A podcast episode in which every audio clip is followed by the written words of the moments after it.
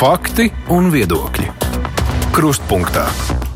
Studijā Mārija Ansone. Šodien raidījumā runāsim par veselības aprūpi. Šai nozarei atvēlētais budžets neapmierina ne mediķus, ne pacientus, jo finansējumu nepietiek daudzām svarīgām lietām. Turklāt, ņemot vērā inflāciju, medicīnā var atļauties pat mazāk nekā iepriekš, vismaz tā ir norādījuši nozars pārstāvji. Vērcerības uz papildus naudu, kādas varētu būt nākamās reformas nozarē, par to mēs šodien iztaujāsim veselības ministri Līga Meņģelsona. Labdien! Labdien! Kolēģi, žurnālisti šeit kā vienmēr ir Zanda Ozola Lode no Latvijas televīzijas. Sveika! Labdien! Un attālināt mums pievienojas RTV žurnāliste Elīna Lapiņa. Sveika! Sveiki. Klausītāji savus jautājumus var sūtīt rakstiski, daudz to jau ir darījuši, bet es sākušu par šo te papildus finansējumu, ko es jau pieminēju. Sākumā premjeras bija ļoti skarps, reformas, pēc tam naudu, tagad retorika ir it kā kļuvusi maigāka. Vai ir cerības uz to, ka būs tas papildus finansējums? Un ja jā, tad kas ir pirmais, kam tas ir jānovirza? Jā, protams, mēs esam viensprātis, ka uh, sistēma ir jāsakārto un par to vispār nav nekādu ne šaubu, ne, ne jautājumu. Bet attiecībā par uh, šo trūkstošo finansējumu, un te es, te es pieminētu tieši šos 12% no, uh, no kopējā uh, kopbudžeta, tad uh, vienošanās, kas mums ir bijusi pirms vēl budžeta pieņemšanas, tātad, uh, ka visus tos uh, um, ietaupījums vai, vai, vai neiztērētās naudas, kas ir citās, citās jomās, tad tās uh, tiek nevis uh, iekšēji kā parasti agrāk, bet uh, tās tiek liktas uz, uh, uz ministru kabinetu un tālāk jau lemts par prioritātēm. Un, un šajā gadījumā uh, mans uh, aicinājums bija šo prioritāti kā numur viens. Uh, likt veselību, jo, protams, ka uh, to veselības vajadzību ir ārkārtīgi daudz. Kolēģi, Marta, sākumā jūs RSU diskusijā minējāt, citēju, veselības nozare valsts aizsardzībā ir tik, tikpat svarīga, cik Haimars raķešu sistēmas. Un, Sabiedrībai jābūt iespējami veselākai arī, lai aizsargātu valsti un rūpētos. Um, Pārējie diskusijas dalībnieki arī minēja, ka tas var notikt tad, ja veselība kļūs par arī premjera līmeņa prioritāte. Cik Cik tālu mēs esam no šādas izpratnes par šīs nozares vispār svarīgumu? Es um, domāju, ka mēs pēdējā laikā esam ārkārtīgi augstā um, diskusiju līmenī pacēluši šo jautājumu. Tiešām mēs par to debatējam uh, gan parlamentā, gan uh, valdībā, gan dažādos citos formos. Tas ir ļoti svarīgi, jo beigās tā ir visa mūsu kopējā apņemšanās, ka tas mums ir svarīgi. Tikpat svarīgi, protams, ir arī valdības apņemšanās un, un arī rīcība tālāk. Par uh, šo te. Uh, salīdzinājumu vai, vai manu, manu ap, arī absolūtu ticību, kad, kad veselības aizsardzība ir tikpat svarīga, cik arī ārējā vai iekšējā aizsardzība, ir uh, tieši tāpēc, ka uh, īsti jau mēs uh, tiešām jautājums, vai mēs tad runājam par nosvaltētu ielu vai izārstētu cilvēku. Tas, tas ir šī, šāda veida alternatīvas ir nu, tur, tur diezgan skaidrs, kas ir, kas ir kā pēc, pēc humānā izpratnē ir, ir, ir svarīgi. Jautājums, kāds izpaužās jau tālākajās rīcībās.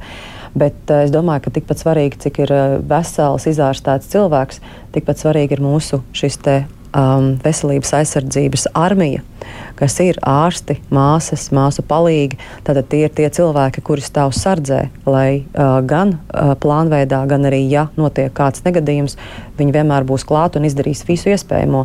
Un mūsu cilvēkiem ir jābūt pārliecībai, ka tā tas process būs uh, pēc labākajiem algoritmiem un pēc labākajām uh, vadlīnijām, kādas ir Eiropā. Uh, Tā ir tā nes, nesakritība, kas ir šobrīd, ko es redzu ļoti dažādās jomās, nu, onkoloģijā pirmām kārtām. Kolēģi Elīna. Jā, paldies. Man sākotnēji ir jautājumi par ģimenes ārstiem. Tā kā reģionos ģimenes ārsts un vēl jau vairāk dziļākos reģionos tiešām ir tas pirmais cilvēks, pie kā vēršas.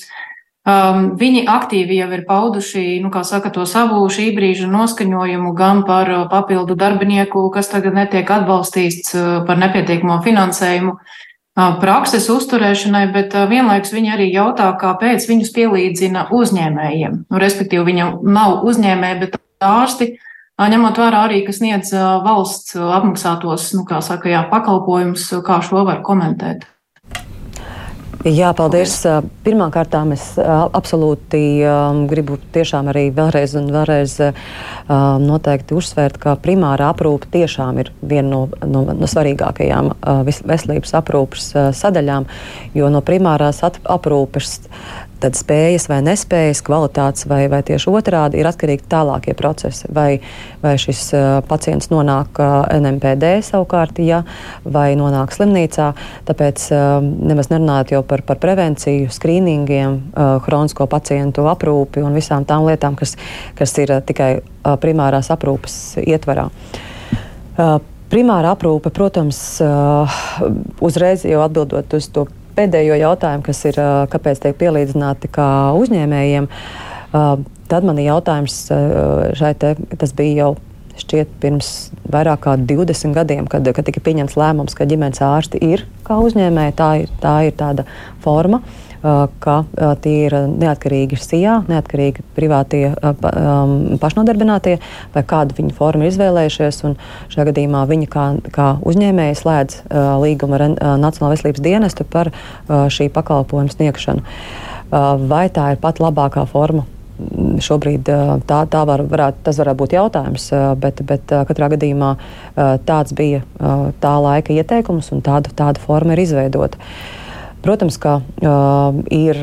Es domāju, liela daļa ģimenes ārstu šobrīd ir šai formai ļoti labi, uh, ir to labi apguvuši, un viņi spēj um, gan nomenedžēt pa, pašas prakses, uh, gan praktiskās lietas, komunālus maksājumus un visu, visu, visu vajadzīgo medicīnas aprūpē. Bet uh, es domāju, ka ir kādai daļai ģimenes ārstam tiešām tas ir, um, nu, tas nav nemaz tik vienkārši, un, un, un uh, viņi ir labi ārsti, labi um, un dara visu pacientam, kas ir svarīgi, bet varbūt teiksim, tā sadaļa, kas ir, kas ir praktiskās lietas, nodokļu nomaksas un tā tālāk, tas ir tas savukārt ir jāorganizē šis process. Tāpēc, ko tieši kapitācijas nauda iekļauj, tas, protams, līgumā ir ap, ap, nu, ļoti skaidri definēts. Uh, un, uh, tātad kapitācijas naudas sadaļa, pirmās māsas apmaksa, uh, ja ir, viņiem ir iespēja arī otro māsu, ja tas ir, ja, ja, ja praksa ir liela.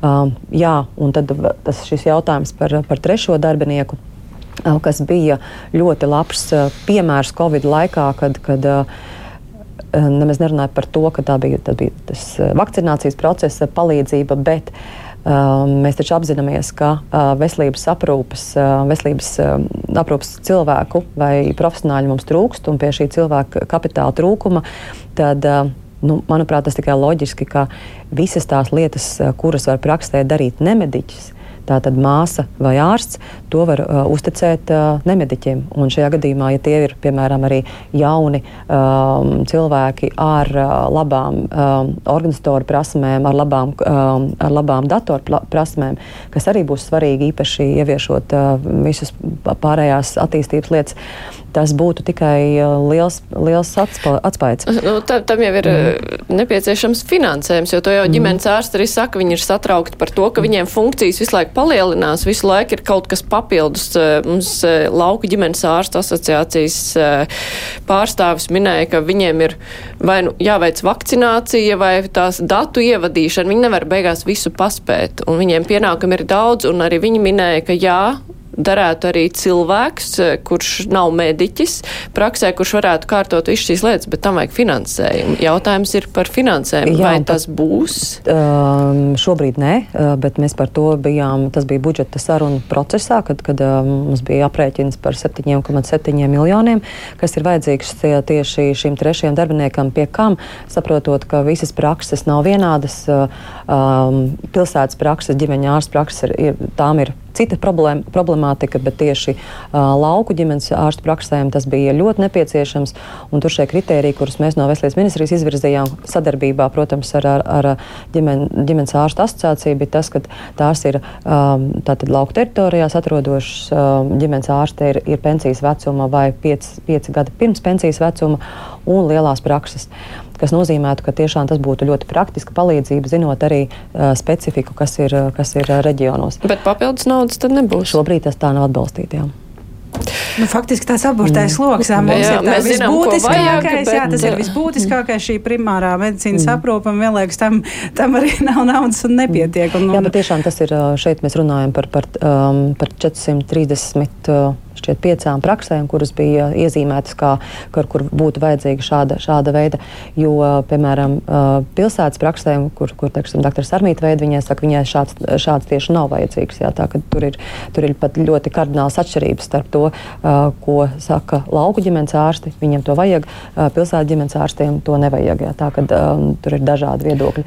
Tāpēc es domāju, ka vissvarīgākais, manuprāt, ir un, un pie kā es noteikti um, no, diezgan. Um, es negribu teikt asi, bet es noteikti vērsīšos uh, Nacionālajā veselības dienestā. Mums jau par to ir sarunas, kā mazināt visu iespējamo to birokrātiju nevajadzīgo, kas vai viņuprāt, vajadzīgo, jo, protams, arī par katru eiro centu ir jāatskaitās tālāk, jau NVD jāatskaitās tālāk valstī, protams, bet katrā gadījumā pārskatīt vēlreiz katru, katru formulāru, vai tiešām tas viss, ko, kas ir prasīts, vai vajadzīgs tieši tādā formā.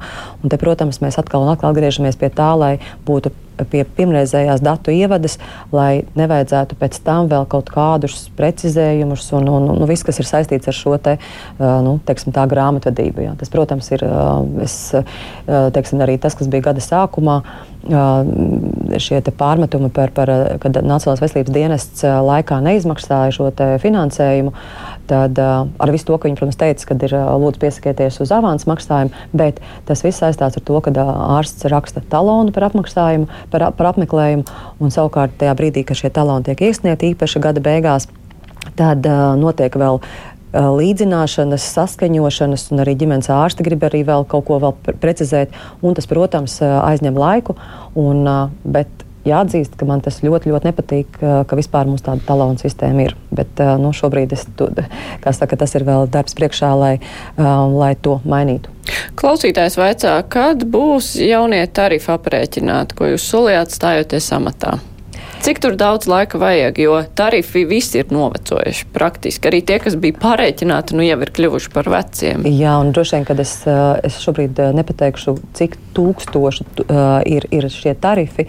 Tā, tā ir ļoti, ļoti, ļoti, ļoti gara, garš aprēķinu un diagnožu un, un manipulāciju saraksts, kur droši vien tur, to var darīt, nezinu, entos mēnešus un gadus pēc kārtas. Bet uh, tas pamatjautājums jau ir tāds, ka uh, tarifu, uh, tarifiem ir vairākas sadaļas, un tā viena sadaļa ir. Uh, D sadaļa, kas ir attiecībā par atalgojumu, tad attiecīgi atalgojuma sadaļa uh, jaunajā budžetā vai jaunajā piešķīrumā tad, uh, tiks izmainīta um, tām ārstniecības personām, tātad māsu palīgiem tur būs klāt plus 16% pie pamata algas, uh, māsām plus 10% un ārstiem plus 6%. Tātad šī tarifa daļa izmainās. Uh, ir arī uh, pie tarifa U elementiem ir piešķīrumi klāti, kas ir saistīti tieši ar saimnieciskajiem izdevumiem. Bet, protams, attiecībā jau tālāk pa uh, grupām, pa diagnožu veidiem, tur, protams, uh, mēs ejam kaut kādā uh, nu, nevarētu teikt, ka visiem pēc kārtas tas nav, tas nav ne to iespēju, ne arī, ne arī tas ir iespējams. Bet uh, katrā gadījumā šobrīd sākam ar onkoloģiju. Tātad uh, onko, uh, onkoloģijas, onkoķirurģijas uh, tarifs, kas uh, teksim, pirms tam bija uh, uz brigādu, bija teksim, par, par, par operāciju teksim, 400 eiro, tagad ir 800 eiro. Un arī pāris vēl ir uh, tarifi izmainīti tieši onkoloģijā, lai šo situāciju labotu. Uh, un tālāk jau iesim soli pa solim, bet, protams, atbilstoši tam, kāds ir finansējums. Jo tarifs jau ir tikai tad uzskaitījums, tikai tad um, tā ir tikai parasts uzskaitījums, bet, ja tur nav ap, uh, otrā pusē finansējums, tad tas ir tāds nu, tikai uzskaitījums uz papīra. Kolēģi Elīna. Jā, paldies. Man vēl jautājums arī par ģimenes ārstiem. Kā jau ministrs Kunze minēja, jā, tad tiek slēgts līgums ar Nacionālo veselības dienestu. Bet ņemot vērā visu šo noskaņojumu ģimenes ārstu, arī to, ka nu, diezgan liela daļa ir pirms pensijas vecumā un pašvaldībās jau ir grūtības problēmas atrast jaunos speciālistus un daudz kur arī, teiksim, ir novadi, kur, kur, kā saka, nav pilns komplekts, vai nebiedē tas, ka šobrīd nu, gandrīz 50% ģimenes ārstu ir izteikuši, nu, kā saka, vai nu šos draudus vai pārdomus vai vispār, nu, līgumu ar valsti sadarbību turpināt, jo viņiem ir iespēja vai nu pāriet strādāt citā nozarē, jomā, vai arī sākt sniegt maksas pakalpojumus tikai, piemēram. Nu, ka mēs nonākam kaut kādu krāpstu priekšā. Nacionālās veselības dienests apzina katru, katru, katru ģimenes ārstu, jo, protams, ka šīs līguma attiecības ir ļoti ilgtermiņa nopietnas un tur ir savi nosacījumi, kādā veidā tas, tas notiek. Katrā gadījumā mēs saprotam, ka 34% no visiem mūsu 1222 ģimenes ārstiem ir pensijas vecuma, un tas ir, protams, tas ir, tā, tas ir risks jebkurā gadījumā. Bet šobrīd tas, ko mēs darām. Um, mēs piesaistām, ves, uh, Veselības ministrija piesaista Eiropas Savienības struktūra fondu uh, līdzekļus, lai uh, mums ir uh, tāds speciāls projekts tieši uh, pie, speciālistu piesaistē reģionos. Un tad viena no šī projekta sadaļām ir ģimenes ārstu prakšu nodošana. Tātad, kur šis pensionēšanās vecuma ģimenes ārsts nodod savu praksi ar visu, tātad ne tikai saka, fiziski, bet arī ar visām zināšanām un visu datu bāzi nodot jauniem ģimenes ārstam. Ja viņš ir atrasts. Jā, jā protams, tur, tur ir divi. Saka, tur, tur ir, un tur jābūt arī piekrišanai, ka kurš, kurš nodod, ne, kurš saņem. Tur jau ir tā problēma, ka nav jau kas dodas tā, uz tiem es, laukiem. Jā, šobrīd Šobrīd mēs tādu, tādu esam jau 86 ģimenes ārši šādā veidā, jau ir jau jaunie atrasti, trīs šobrīd notiek procesā kur, kur tam ģimenes ārstam, kas, kas nodod praksi, tie ir kaut kādi 18,000 eiro, un jaunajam um, arī ap 20,000 eiro, kuri, uh, kuri pārņem šo praksi, lai varētu uzsākt, jo, tās, jo jā, tā ir uzņēmē darbība viņu. Uh, un, un, attiecīgi, uh, tas ir gan šis finanšu uh, palīdzība, gan, protams, arī tur ir arī visa teorētiskā un visa par, par, par datubāzi un, un sistēmām un tā tālāk. Uh, problēma, protams, ir, un, un uh, man, protams, man arī man ir daudz, daudzi. Uh, man bija jautājums, jo tīri pēc statistikas mēs redzam, ka uh, mums. Uh, Katru mums beidzēja tādi rezidenti tieši ģimenes ārstu um, sektorā. Mums ir uh, 127 uh, rezidenti gadā, kas, kas būtu uh, teksim, gatavi uh, tālāk jau uh, būt par ģimenes ārstiem, bet, uh, diemžēl, uh, diemžēl droši vien tad nav tā. Uh, sav, savukārt neaiziet, un, un, un, un tas netiek, netiek tālāk pieņemta šī, šī, šis lēmums.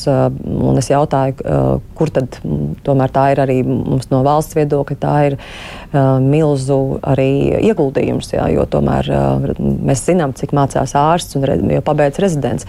Un tā tad liela daļa no viņiem turpina rezidentūru citā jomā. Un, un, un, uh, ir daļa, kas, kas protams, uh, iet par ģimenes ārstiem un attiecīgi atver savus prakses un tā tālāk. Tāpēc uh, nevarētu teikt tā, ka uh, nav jauno ārstu un, un, un jaunie ārsti ir. Un, un īstenībā arī jauno ārstu asociācijā ir ģimenes ārsti. Man ir tiešām liels priekš un arī zināmā mērā pārsteigums, cik viņi atšķirīgi domā, cik viņiem ir um, tāda pasaules elpa un kā viņi redz, kā var modernizēt arī ģimenes ārstu prakses, kā var darīt savādāk, kā var darīt modernāk, kā var darīt, kā veidot kopprakses un tās nu, modernās un jaunās lietas, kas, ko dara Somijā, Zviedrijā un citās valstīs. Nu jā, galvenais ir pietiekošā skaitā, bet es tomēr gribēju vēl par to sistēmas sakārtošanu pavaicāt.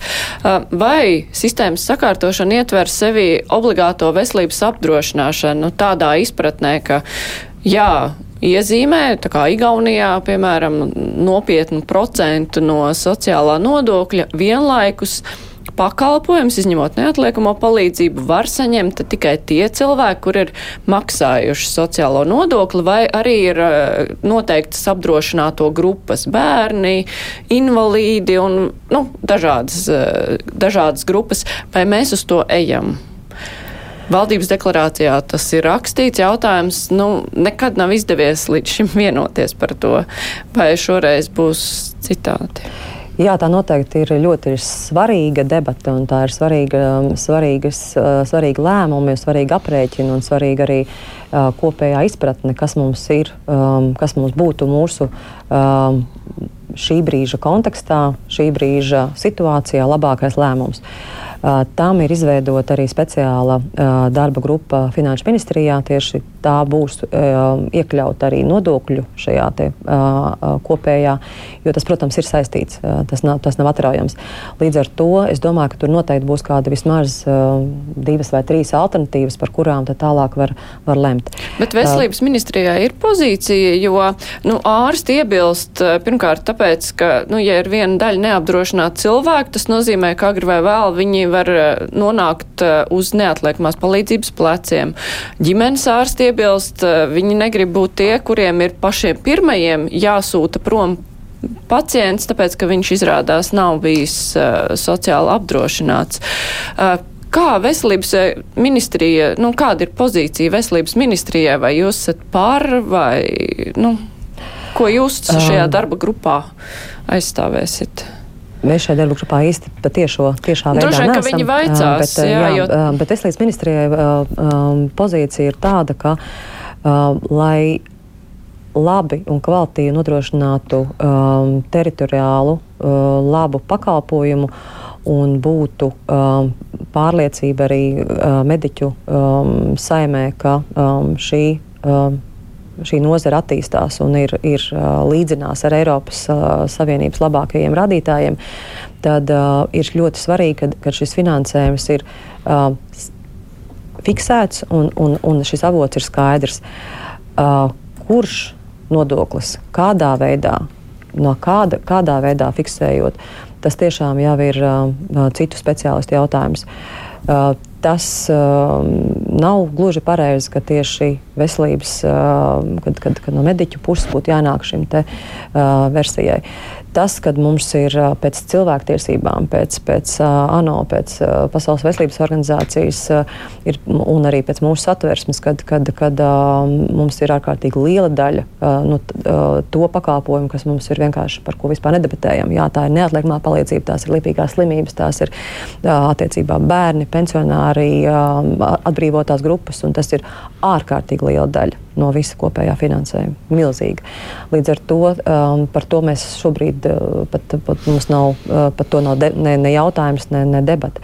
Uh, drīzāk jautājums priekš tiešām, kā, kā pareizi salikt tos pareizos akcentus, motivatorus, lai ik katrs darbspējīgs cilvēks uh, zinātu, uh, par ko es maksāju savu sociālās veselības, sociālā apdrošināšanas uh, uh, iemaksu.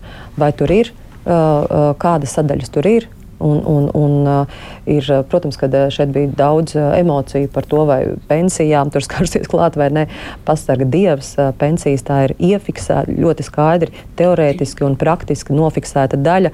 Tur pat nav pat ne, ne domas, ne, ne idejas vispār pat, pat šajā, šajā brīdī vispār uz to pusi skatīties. Tieši otrādi pensiju sistēma ir jāstiprina, un, uh, jo mums katrs kaut kāds tāds. Uh, uh, izteikums, ka, ka maz kaut ko mazinās pensiju, tas ir tas ir ļoti slikts signāls, jo mums ir jātic tam, kad, kad uh, mums ir jāmaksā nodokļi, jo mēs atliekam pensijai.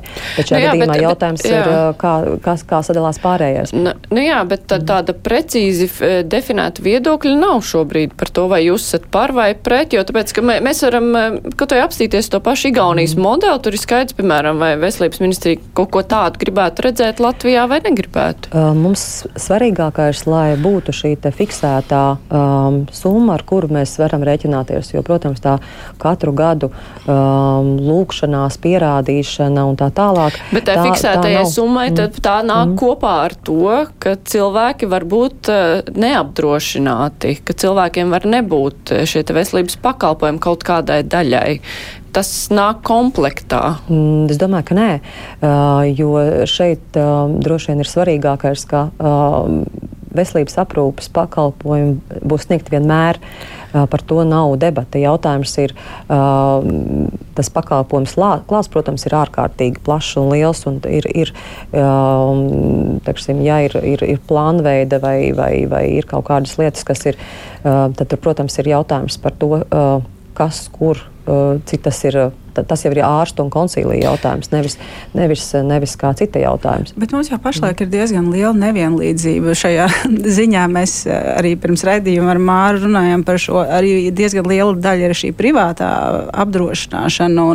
Mums uh, kolēģi Latvijas televīzijā no raidījuma aizliegtais paņēmiens izgaismoja tātad šo, um, viens ir šo pakalpojumu nepieejamību, kā faktiski, ja tev ir ģimenes ārsta nosūtījums elementārs uz elementāru pakalpojumu, it kā šķietami pat uh, salīdzinoši lētu kopēja, no tā kopējā pieejamā ultrasonogrāfija.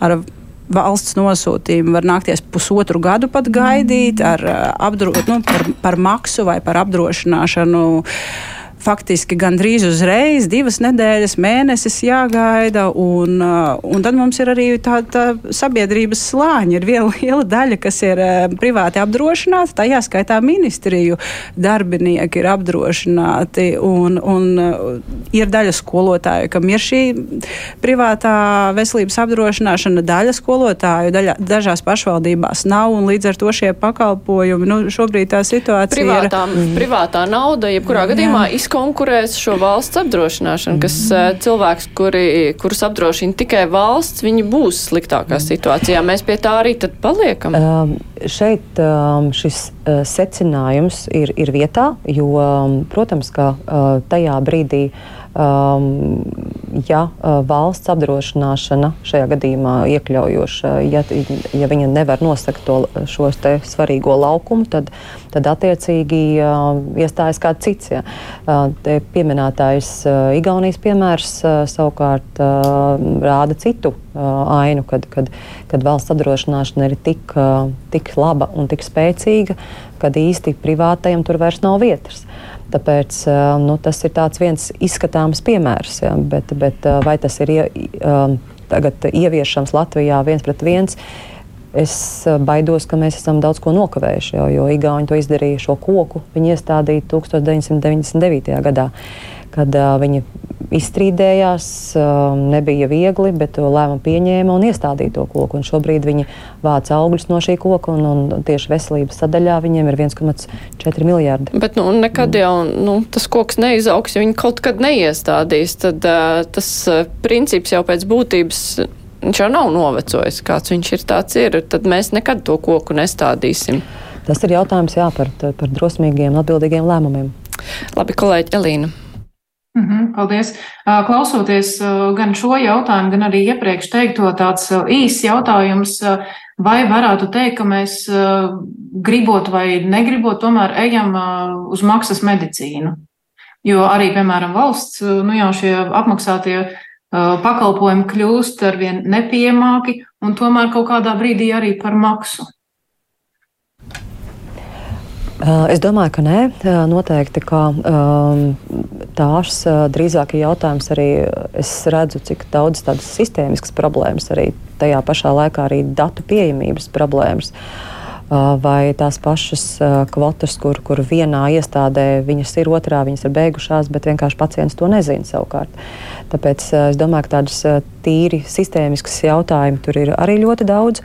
Bet, bet protams, ka medicīnai attīstoties, cilvēku dzīvildzei pagarinoties, jaunu, inovatīvu medikamentu parādīšanās nozīmē tikai to, ka tā, tas rēķins, protams, kļūst aizvien lielāks tieši veselības aprūpas kopējā jomā.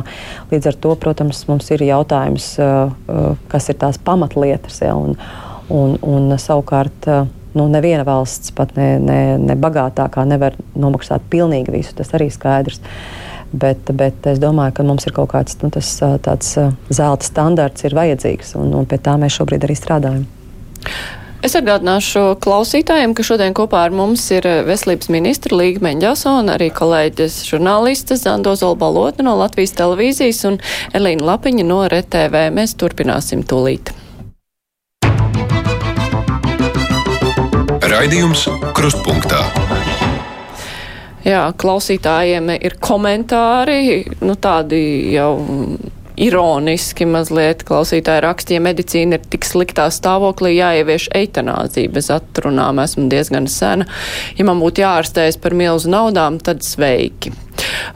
un to neviens vien klausītājs min. Tā, protams, ir problēma arī, kas tiek apspriest, par ko tiek diskutēts par šādu iespēju, bet, nu, šeit kontekstā ar visu situāciju, kur veselības aprūpē ir tīpaši, ko nodrošina valsts, nu, tur nav īsti uh, jā, nekādu variantu. Un klausītājs arī secina, ka medicīna de facto ir ma maksas, jo valsts rindu garums ir tāds. Nu jā, bet uh, runājot arī par reformām, kas skar mediķu atalgojumu, mēģināja reformēt uh, mediķu atalgojumu sistēmu, un arī tā ir reforma, kur vajadzēja vairāk naudas. Mm. Tāpēc arī tas viss apstājās pusratā. Uh, vai ir kaut kādas reformas padomā, kas neprasa ieguldījumu, kas tikai dos papildus naudu, vai arī jebkas, ko darīs, būs papildus finanses no valsts budžeta? Jā, tiešām tur ir divas daļas. Tātad viena daļa ir tās reformas, kuras prasa naudu, un, protams, ka um, gan pilnā laikā ekvivalenta modeļa ieviešana, tas prasa daudz, daudz vairāk naudas attiecībā par, par atalgojumu. Toties mēs iegūstam uh, mediķus, kas ir, kas ir um, pirmā kārtām ir skaidrība uh, par, par, par ko kādā veidā uh, atbildība vispārējais. Tur ir, nu, tā, tur ir saka, ļoti augsta līmeņa darba grupa pie tā strādāja, un tur tiešām tas bija ļoti labā līmenī izveidots. Um, savukārt, uh, tajā brīdī, kad tos skaitļus kopā saliek, kop, um, tad ir skaidrs, ka tā uh, vajadzīgais finansējums ir ļoti, ļoti liels, kas ir vajadzīgs šim plē modelim.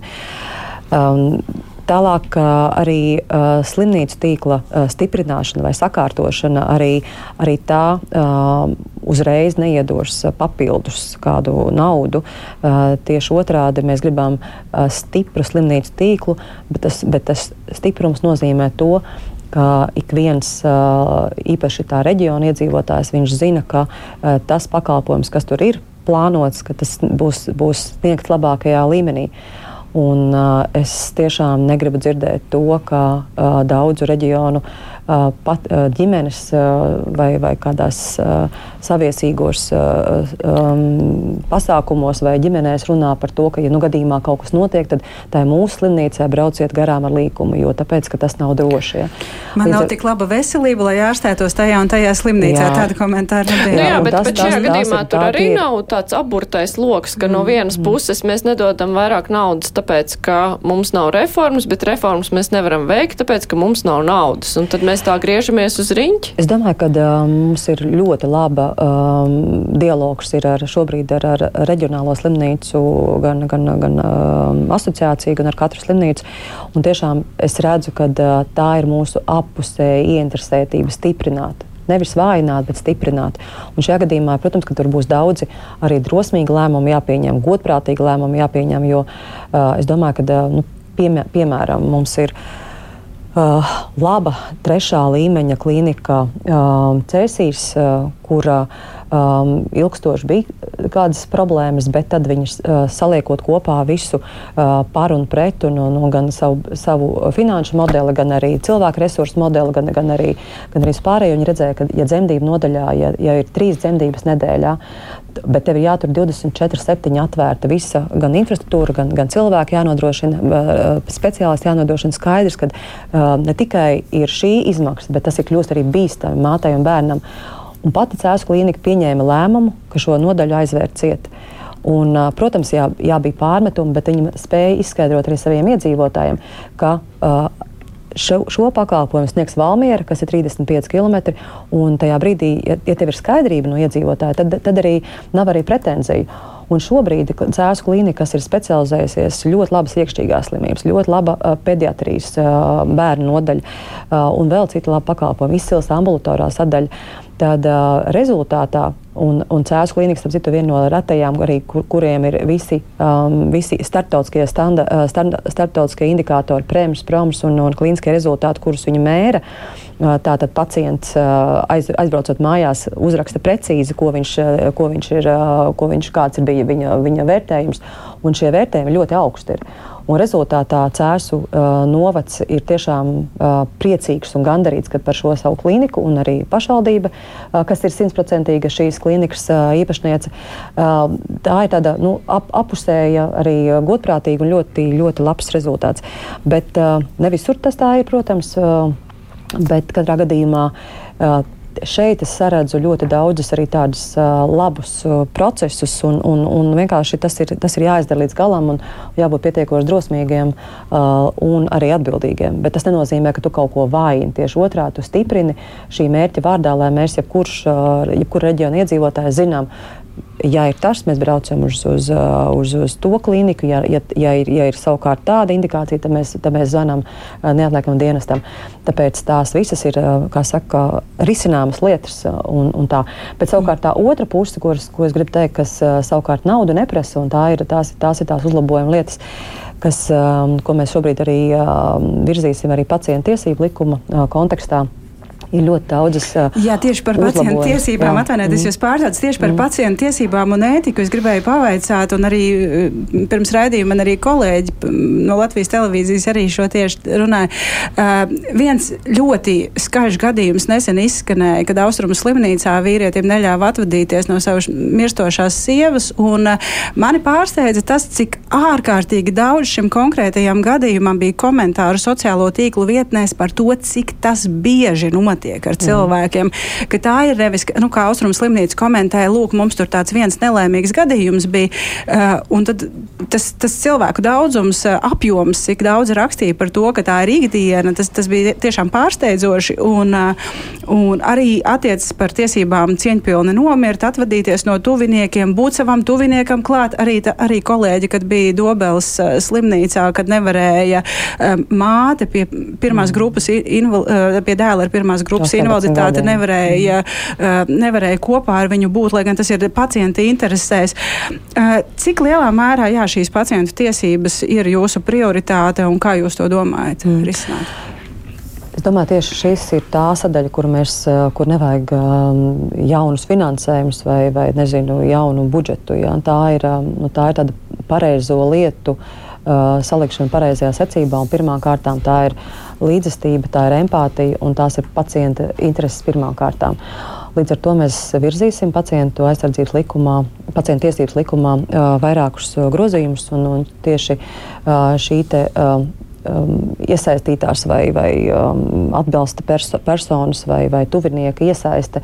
Um, tieši arī šajā kontekstā mēs arī to arī varam teikt, uh, ka tas ir ne tikai uh, jāiesaista, tas ir arī pacienta vislabākajās interesēs šajā gadījumā. Uh, vienalga, vai tā ir uh, aprūpes uh, palīdzība vai uh, nemaz nerunājot par, par, šo, par tiem gadījumiem, kad uh, kad, kad, kad ar tādiem aizbildināšanos ar epidu situāciju notiek no šāda, šāda es domāju, tāda nelīdzestīga rīcība. Bet kā to iedzīvināt, jo nu, it kā taču visi saprot, ka, ka, ka tas ir tikai pacienta interesēs un vienlaikus tas notiek, un plus vēl nu, arī jautājums par to, kurš konstatēs, ka ir bijis, nav bijis pārkāpums veselības inspekcijas. Jā, es, loma. es arī papildināšu, ko Zanda vaicā tajos grozījumos, ko veselības inspekcija arī ierosina ir, ka ārstniecības iestādē ir jābūt personai, pie kuras vērsties tajā gadījumā, ja pacientam ir aizdomas, ka viņa intereses netiek ievērotas vai pacientu tuviniekam, kā šajā gadījumā, kad neļauj tikties.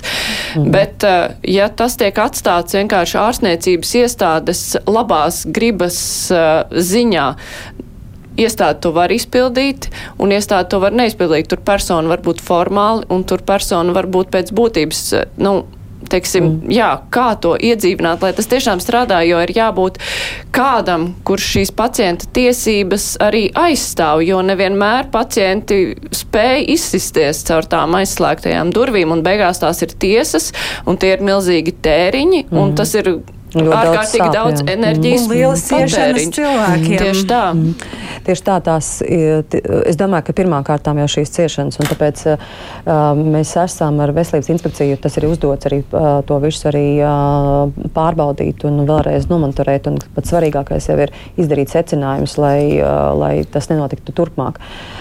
Tāpēc veselības inspekcija ir tas uh, sarksuns, kas šos gadījumus uh, nofiksē un, un, un, un tālāk jau uh, ar katru iest, ārstniecības iestādi uh, pārunā. Un tad faktiski gan, gan uzdod, gan arī, gan arī uh, saka, tur ir gan, uh, gan stingrais, gan arī, protams, arī ieteikumu līmenis. Bet uh, jā, šis priekšlikums par šo te, um, pārstāvi, tas arī ir, um, es domāju, labs priekšlikums. Vienīgais jautājums ir, protams, vai tas ir kā jurists vai, kā, vai tas ir kā drīzāk kā mentors, jo, protams, ka te ir jāuzmanās no tādas, nu, tādas pārāk tādas uh, policijaskas pieejas. Jā, tam vajadzētu būt tiešām tas, ka tas nu, ir. Tam ir jābūt labākais. cilvēkam ļoti labi zinošam jā, arī pacientu tiesību jomā, bet jā. arī šis cilvēks ir jāapmaksā. Tas nozīmē kaut kādu finanšu ieguldi jā, un jāapmāca jā, jā. un kaut kādu nu, ieguldījumu ir prakse, uh, saka, ka, kad, kad šādi cilvēki ir ļoti svarīgi, bet tie ir bieži vien tiešām labi apmac, apmācīti. Uh, viņi ir izgājuši kā, kā pacienti iespējams, tie ļoti pieredzējuši pacienti, bijušie, ja tie ir tādi labi, labi kandidāti šim te. Uh, tieši šādam. Tāpēc es teiktu, jā, bet jautājums varbūt par to, vai tas ir jurists vai, vai tiešām tāds labi apmācīts, kā, uh, nu, uh, kā, teic, kā es teiktu, tā mentors, kas, kas zina uh, abas puses. Un tad, mm. nu, cik drīz tādus varētu sagaidīt mūsu ārstniecības iestādēs, kā jums šķiet? Šobrīd mēs tiešām, es saprotu, ka bija tāds, tāds ilgs pauze visā tajā procesā tieši pacientu tiesību likumā, bet mēs šobrīd virzīsim, ir, ir priekšlikumi no darba grupas, kas, kas mūs īsti mums neatbalstīja, bet nu, vismaz to, kur mēs vienojāmies, tos mēs virzīsim, kas ir tieši šo gadījumu risināšanā, jo tās ir lietas tiešām, kuras. Es pat teiktu, uh, nu, tā ir kultūras maiņa, principā, nevis, nevis tāda juridiskās konstrukcijas uh, samainīšana. Bet kad tad, ir, tie, tie likuma, kad tad tie likuma grozījumi varētu būt? Visdrīzākajā laikā. Um, es ne, ne, nevaru pateikt jums nedēļu, bet, bet uh, faktiski mums tā ir jau noformulēta, un tad mēs uh, to virzām uz priekšu. Labi, Elīna. Mm -hmm, paldies. Man nākamais jautājums par onkoloģiju, kurā arī, kā zināms, ir problēmas, bet uh, lielākoties vai bieži vien mēs tur cīnāmies jau ar sakām. Uh, konkrēti jautājums ir par uh, vēža skrīningiem, un varbūt tas arī reizē būtu tā kā ieteikums. Šobrīd uzaicinājumi uz izmeklējumiem, pārbaudēm tātad tiek izsūtīti reizi dažos gados, trīs, jeb cik, kur, cik tur gados, negribu kļūdīties. Vai ir iespējams tomēr šo nu, teiksim, biežāk, ņemot vērā arī mūsdienu tehnoloģijas, vai tomēr nu, tā sistēma šobrīd šo ierobežo, vai, vai kā, nu, kā saka, nu, tos cilvēkus mudināt ar vien vairāk un vairāk iet un veikt šīs pārbaudas, nevis ie, ieilgt kaut ko. Jā, paldies. Tas ir, ir sāpīgs um, punkts, un es domāju, ka te ir. Um, Protams, pirmām kārtām mēs raugāmies tieši primārās aprūpes virzienā, un tie ir ģimenes ārsti. Kuriem jau tā nav? Kuriem mēs laika jaunajā budžetā tieši šo te šī iemesla pēc arī par katru pirmās vai otrās pakāpes atklājumu. Ja pirms tam tie bija 75 eiro par gadījumu, tad tagad tie būs 250 eiro par, par gadījumu. Uh, kas cerams, ka tas palīdzēs un stimulēs tieši, tieši veidot arī. Uh, un es pilnīgi piekrītu, ka, ka tās uh, metodas, kas bija teiksim, šīs vēstules mammogrāfijai vai, vai, vai citām izmeklējumiem, ka tās vēstules bieži vien nestrādāja. Ka tur, nu, tiešām, kāpēc nā, nevar būt īziņa vai, vai, vai nu, e-pasta īziņa vai, vai, vai sava sistēma, kā ģimenes ārsts savu datu bāzi reizi gadā pēc konkrētām pazīmēm izsūta e-pastu, piemēram, ja, par, par to, ka mēs, es, mēs jūs gaidām un tas ir valsts apmaksāts. Jo, protams, kad ja mēs zinām, ka mums ir tik daudz prostatas vēža gadījumu un, un tās, tās ārstēšanas ir tik smagas un, protams, arī dārgas un arī, un arī, arī ļoti bieži vien ļoti strauji ir ļoti, ļoti smagi gadījumi un iznākumi, tad, tad skrīninga aptvere šobrīd ir tikai 3%. Tas ir, tas ir ārkārtīgi maz. Līdz ar to tur ir, tur ir tiešām sadarbība no abām pusēm. Arī, arī, uh, es zinu arī ģimenes ārstiem, ka viņi bieži vien pat lūdzās saviem, uh, saviem pacientiem, lai viņi izdara to un aizietu. Bet, uh, bet es zinu, kad, kad ir dēls lūdzās savām mamām, lai viņi aizietu, tev taču atnāk uz vēsturi, kur ir valsts apmaksāta. Bet tas tāpat nenotiek. Un, un, un tā ir arī, kā saka, tā nav tikai ģimenes ārstu, ne, pasaka, Dievs, ne vaina, nekas, bet, bet tā ir tāda sad, kopēja sadarbība, jo, jo valsts šo visu apmaksā un, un tāpēc. Tāpēc droši vien te ir arī jautājums par veselības pratību, kas būtu vēl viena, vēl viena no tās tajā pusē, ko mēs sakām par to nenaudas ieguldījumu, kur mēs šobrīd ar, esam ar Ilietas ministriju jau tikušies, un es esmu tiešām ļoti, ļoti uzstājīga par to, ka veselības pratība ir jāievieš atpakaļ kā normāla, normāls mācību priekšmets, jo uh, Uh, izskatās, ka mums ir, mēs nevaram zaudēt nevienu uh, klasi, nevienu jaunajā paudzē, kurš tālāk par šīm lietām, tā skaitā arī par prevenciju, skrīningu, savas veselības uh, monitorēšanu, kas saucās arī līdzatbildība, pacienta līdzatbildība vai cilvēku līdzatbildība šajā gadījumā. Tāpēc tās ir tās lietas, kas būtu uh, maināmas nu, tādā kultūras ziņā.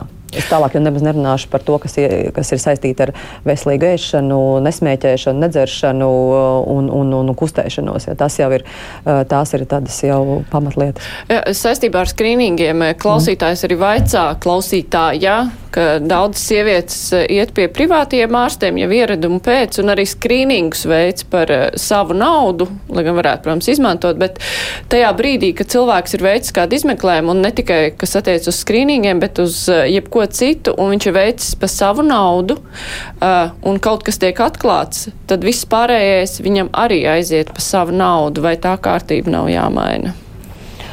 Um, Es domāju, ka kad, kad, uh, tur izklausās, ir tā tiešām, uh, domāju, šie, šī datu nepieejamība iespējams uh, ir, ir, ir par vainu, kāpēc um, daudz pacientu varbūt nezina, kur un kādā veidā nokļūt pie. Nē, bet arī ir gadījumi, ka cilvēki vienkārši nevar gaidīt rindā uz valsts izmeklējumu, un ja viņš sāk izmeklēties jau par savu naudu, tad viņam viss tālākais arī aiziet par savu naudu jā, to. Tā tas ir, jā. Jā. tā tas ir arī pārbaudīt. Un tas ir un tajā pašā mm. tajā brīdī, kad ir jāgaida tie daudzie mēneši, uh, uz valsts izmeklējumu cilvēki nevar atļauties, un tad viņi vienkārši sev nogriež iespēju par valsts naudu, naudu ārstēties. Taisnība, jā. Protams, kad jautājums ir, vai tas ir tad attiecīgi ir zaļā koridora ietvarā vai, vai nezaļā koridora ietvarā, bet katrā gadījumā es absolūti piekrītu, ka, kad, kad šīm, šīm izmeklējumiem būtu jābūt secīgiem pēc iespējas ātrākā laikā, jo diagnostika mums ir. ir, ir pamat, bet tā kārtība ir jāceļ, ka ja cilvēks ir sācis kaut ko izmeklēties par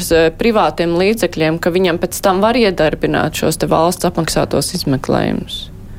Es varu tikai piekrist, bet es nevaru apgalvot, kāds ir tas precīzais ceļš šobrīd attiecībā uz, uz nākamo izmeklējumu, kas ir. No. Par um, mūsu lielāko laikam, um, ko mums uzsver digitalizācija, e-veselība, jaunā, kas, kas tur notiek, būs kaut kas, kādi uzlabojumi jūtami tā, lai mums būtu arī pieejami visi šie reģistri un šī visa informācija nozīmīgā. Jā, tam ir milza nozīme, jo, protams, kad eh, tajā brīdī, ja mums nav pieejami uh, dati, un es teiktu, online dati, tad, protams, eh, tie, šie te arī, jebkurš lēmums, ko mēs šobrīd um, virzam, tas ir mm, tā, nu, šobrīd es esmu vienkārši nomocījusi Nacionālo veselības dienestu ar, ar, ar datu pieprasījumiem, un arī no sākuma bija totāla, ne, man bija totāla, saka, neizpratne, kāpēc man tie, tie, tie dati jāgaida tik ilgi. Izrādās, ka tas ir tiešām ļoti sarežģīts un ilgs manuāls process, kamēr uh, saliek konkrētās datu kopas. Līdz ar to, uh, protams, ka pirmā kārtā uh, ir digitalizācijas. Uh, nu, tas uh, nākamais posms ir jāveic tieši tur, lai, uh, lai šie visi, uh, gan analītika, gan norēķini, uh, viss, kas saistīts ar, ar, ar šo procesu, būtu uh, automatizēts un, un, un atbilstošs uh, laikam. Uh, šobrīd mums ir. Jau um, ir, ir, ir izveidots uh, uh finanšu pieteikums un arī projekta pieteikums uh, um, tā saucamajā ANM mehānismā, atvesļošanās mehānismā, kur uh, tālāk jau iesceļu uh, visas pārējās lietas, kas ir saistītas ar, ar skici un visām uh, met, metiem, uh, iepirkumiem un tā tālāk. Tāpēc, uh, protams, ka man, tur, man to vajadzētu jau vakardien, bet, uh, bet nu, šobrīd ir šajā stadijā. Mums raksta no krūtsvēju pacientu biedrības Vita. Viņi iestājas par uzaicinājumiem uz mamogrāfiju pa telefonu, ka tas ir tas. Uh, Ļoti labi jā. Un tas būtu tiešām ģimenes ārsta, šī trešā darbinieka uzdevums. Uh, telefoniski apzvanīt savu uh, pacientu datu bāzi pēc konkrētiem parametriem. Un es, es mm. jau pilnīgi jau, jau, jau garā acīm redzu un dzirdu, kā tas notiek, kā ģimenes ārsts saka, mums jau tā nav mm. laika tam visam. Mm. Par to, Jā, tieši pie, tāpēc arī šis te, um, es domāju, tikai un vienīgi mēs, eh, protams, kad, kad šobrīd es uh, tam, tam netika piešķirts, bet es joprojām uzskatu, ka tiešām es esmu ģimenes ārstu pusē, ka um, šis trešais darbinieks, uh, nemediķis, ir ļoti, ļoti svarīgs gan skrīningu, gan prevencijas un arī digitalizācijas jautājumu uh, palīdzēšanā. Uh, viss, kas saistīts ir ar uh, ģimenes ārsta prakses uh, taksim, menedžēšanu. Bet jo, jūs jau sākumā teicāt, ka naudas jā. nebūs. Nē, mēs, kā jau teicu, mēs tieši otrādi šobrīd pie, katras, pie katrām šīm te, um, atrastajām jaunajām naudām, ja, ja tā to var teikt, visa gada garumā mēs tātad palikām pie tā, ka 12% jābūt. Līdz ar to mēs jau nevaram pateikt šodien, bet, bet tas ir procesā. Jā, Elīna, tev vēl ir kāds īsts jautājums? Jā, paldies. Ir par bērnu zobārstniecību, kurā arī aizvien, kā saka, problēmas un garas rindas. Un līdz ar to vecāki nereti izvēlas arī jau doties nu, pie maksas zobārsta, kas savukārt, ja ir bērns, tā tad arī ir mazliet iespējams, ka dārgāks, jo bērn, ar bērnu strādāt grūtāk un sarežģītāk. Nu, jā, kā risināt šo arī dzenu problēmu bērnu zobārstniecību? Paldies. Nu, šis bija vēl viens. Tas tiešām man pašai bija ļoti sāpīgi, kad mēs tieši virzījām bērnu zobārstniecībai tarifu izmaiņas, jo skaidrs, ka pieaugušo zobārsti ar, ar šo tarifu ir mierā, bet, bet attiecībā ne, nelabprāt ņem bērnus, jo tas, protams, ir daudz, daudz sarežģītāk. Līdz ar to šis ir tajā sarakstā, ko mēs liksim uzreiz kā prioritāru tieši bērnu zobārstniecības tarifu pa, paaugstināšanu. Tā ka šobrīd visu smagumu iznes uh, dzirciemielu, un, un, un, bet nu, tas nav pietiekami absolūti. Bet, ja jūs mm. sakat, ka mēs liksim kā prioritāru, nu, kaut kādā laika izteiksmē var nojaust, nu, kad, kad tā, tā prioritātei mēs augļus redzēsim šā gada laikā, varētu es, būt, ka ir. ir gan tas, ko es teicām, ko mēs runājam par ģimenes ārstiem un, un, un arī bērnu zobārstniecību. Bet tas nozīmē, ka jau šī gada laikā tā nauda reāli aizies uz nozari, uz jomu un būs īsākas rindas bērnu zobārstniecību ārstniecībā, vai arī tas ir šogad varētu izlemt, un tad nākošgad varētu? Uh, Par to, cik ātri tie procesi notiek, es uh, vēl šobrīd tikai um, brīžiem dusmojos, brīžiem, uh, brīžiem uh, varu tikai nobrīnīties, kā tas notiek, bet, bet uh, man droši vien nebūtu pareizi šobrīd kādu no mēnešiem nosaukt vai, vai kurā brīdī tieši. Bet uh, katrā gadījumā tas ir tas tādā nu, saraksta augšgalā. Bet nu, tā noslēdzot šo sarunu, tagad pieņemsim, ka parādās tā papildus nauda no citām nozarēm, tad kādas ir jūsu iekšējās prioritātes? Kur aiziet ģimenes ārstu? Trešais darbinieks zāles onkoloģijai, kur vajag milzīgas summas, vai kam? Kādas ir jūsu prioritātes? Tas pašs jau, ko mēs arī nominējām, tas ir, jā, tā ir primāra aprūpe, tā ir onkoloģija un uh, zāles. Un tās, protams, joprojām arī ir mediķu pamata atalgojuma celšana, jo, jo tomēr, jo tomēr tiem mediķiem, kuriem teiksim, ir iespēja vēl caur tarifu šo mainīgo daļu